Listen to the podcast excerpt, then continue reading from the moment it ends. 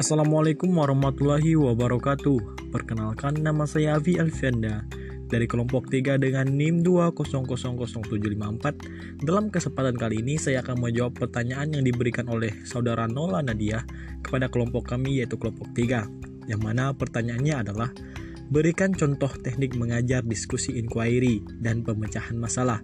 Kemudian, tengah umur peserta didik yang mampu menerima teknik mengajar tersebut.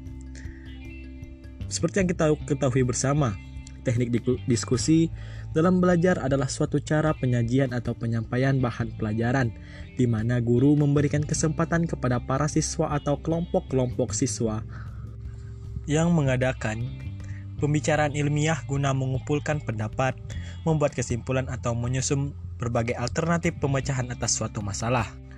Contoh teknik mengajar diskusi yang dapat kita ambil yaitu ketika seorang guru memberikan suatu topik mengenai perekonomian di berbagai negara.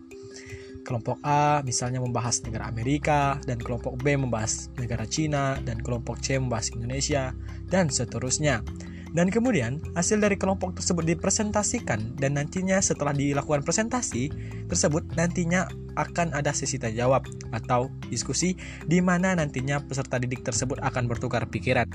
Kemudian inquiry, yaitu suatu teknik atau cara yang digunakan oleh guru untuk mengajar di depan kelas yang bertujuan agar siswa terangsang oleh tugas dan aktif serta meneliti sendiri pemecahan satu masalah yang diberikan oleh guru.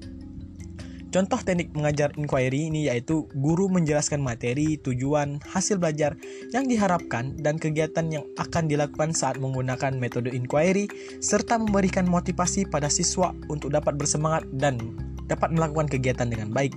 Kemudian, siswa diarahkan untuk dapat mengerjakan teka-teki dalam materi pembelajaran yang sedang disajikan. Selanjutnya, yang dilakukan oleh siswa adalah menebak kemungkinan-kemungkinan dari permasalahan yang dikaji atau hipotesis.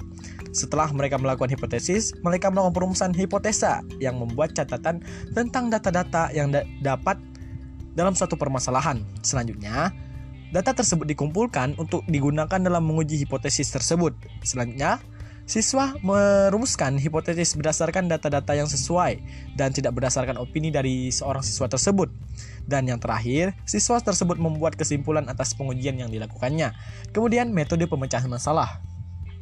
Metode pemecahan, masalah ini adalah cara penyajian bahan pelajaran dengan menyajikan masalah sebagai titik tolak pembahasan untuk dianalisis dan disintesiskan dalam usaha pemecahan atau jawabannya oleh siswa. Contoh yang dapat kita ambil dari seorang guru yang memberikan suatu permasalahan atau isu-isu yang harus dipecahkan oleh siswa tersebut. Nah, kemudian pertanyaan, apakah ada tenggat umur untuk menerima teknik-teknik ini? Ya, menurut saya tenggat umur siswa untuk menerima teknik ini adalah ketika mereka duduk di kelas 4, 5 dan kelas 6 SD. Karena pada saat itulah mereka tersebut sudah mampu beradaptasi, mengenal serta mampu menerima segala proses pembelajaran yang diberikan oleh guru tersebut.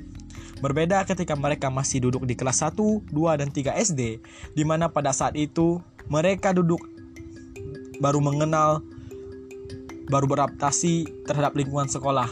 Sekian dari saya. Assalamualaikum warahmatullahi wabarakatuh.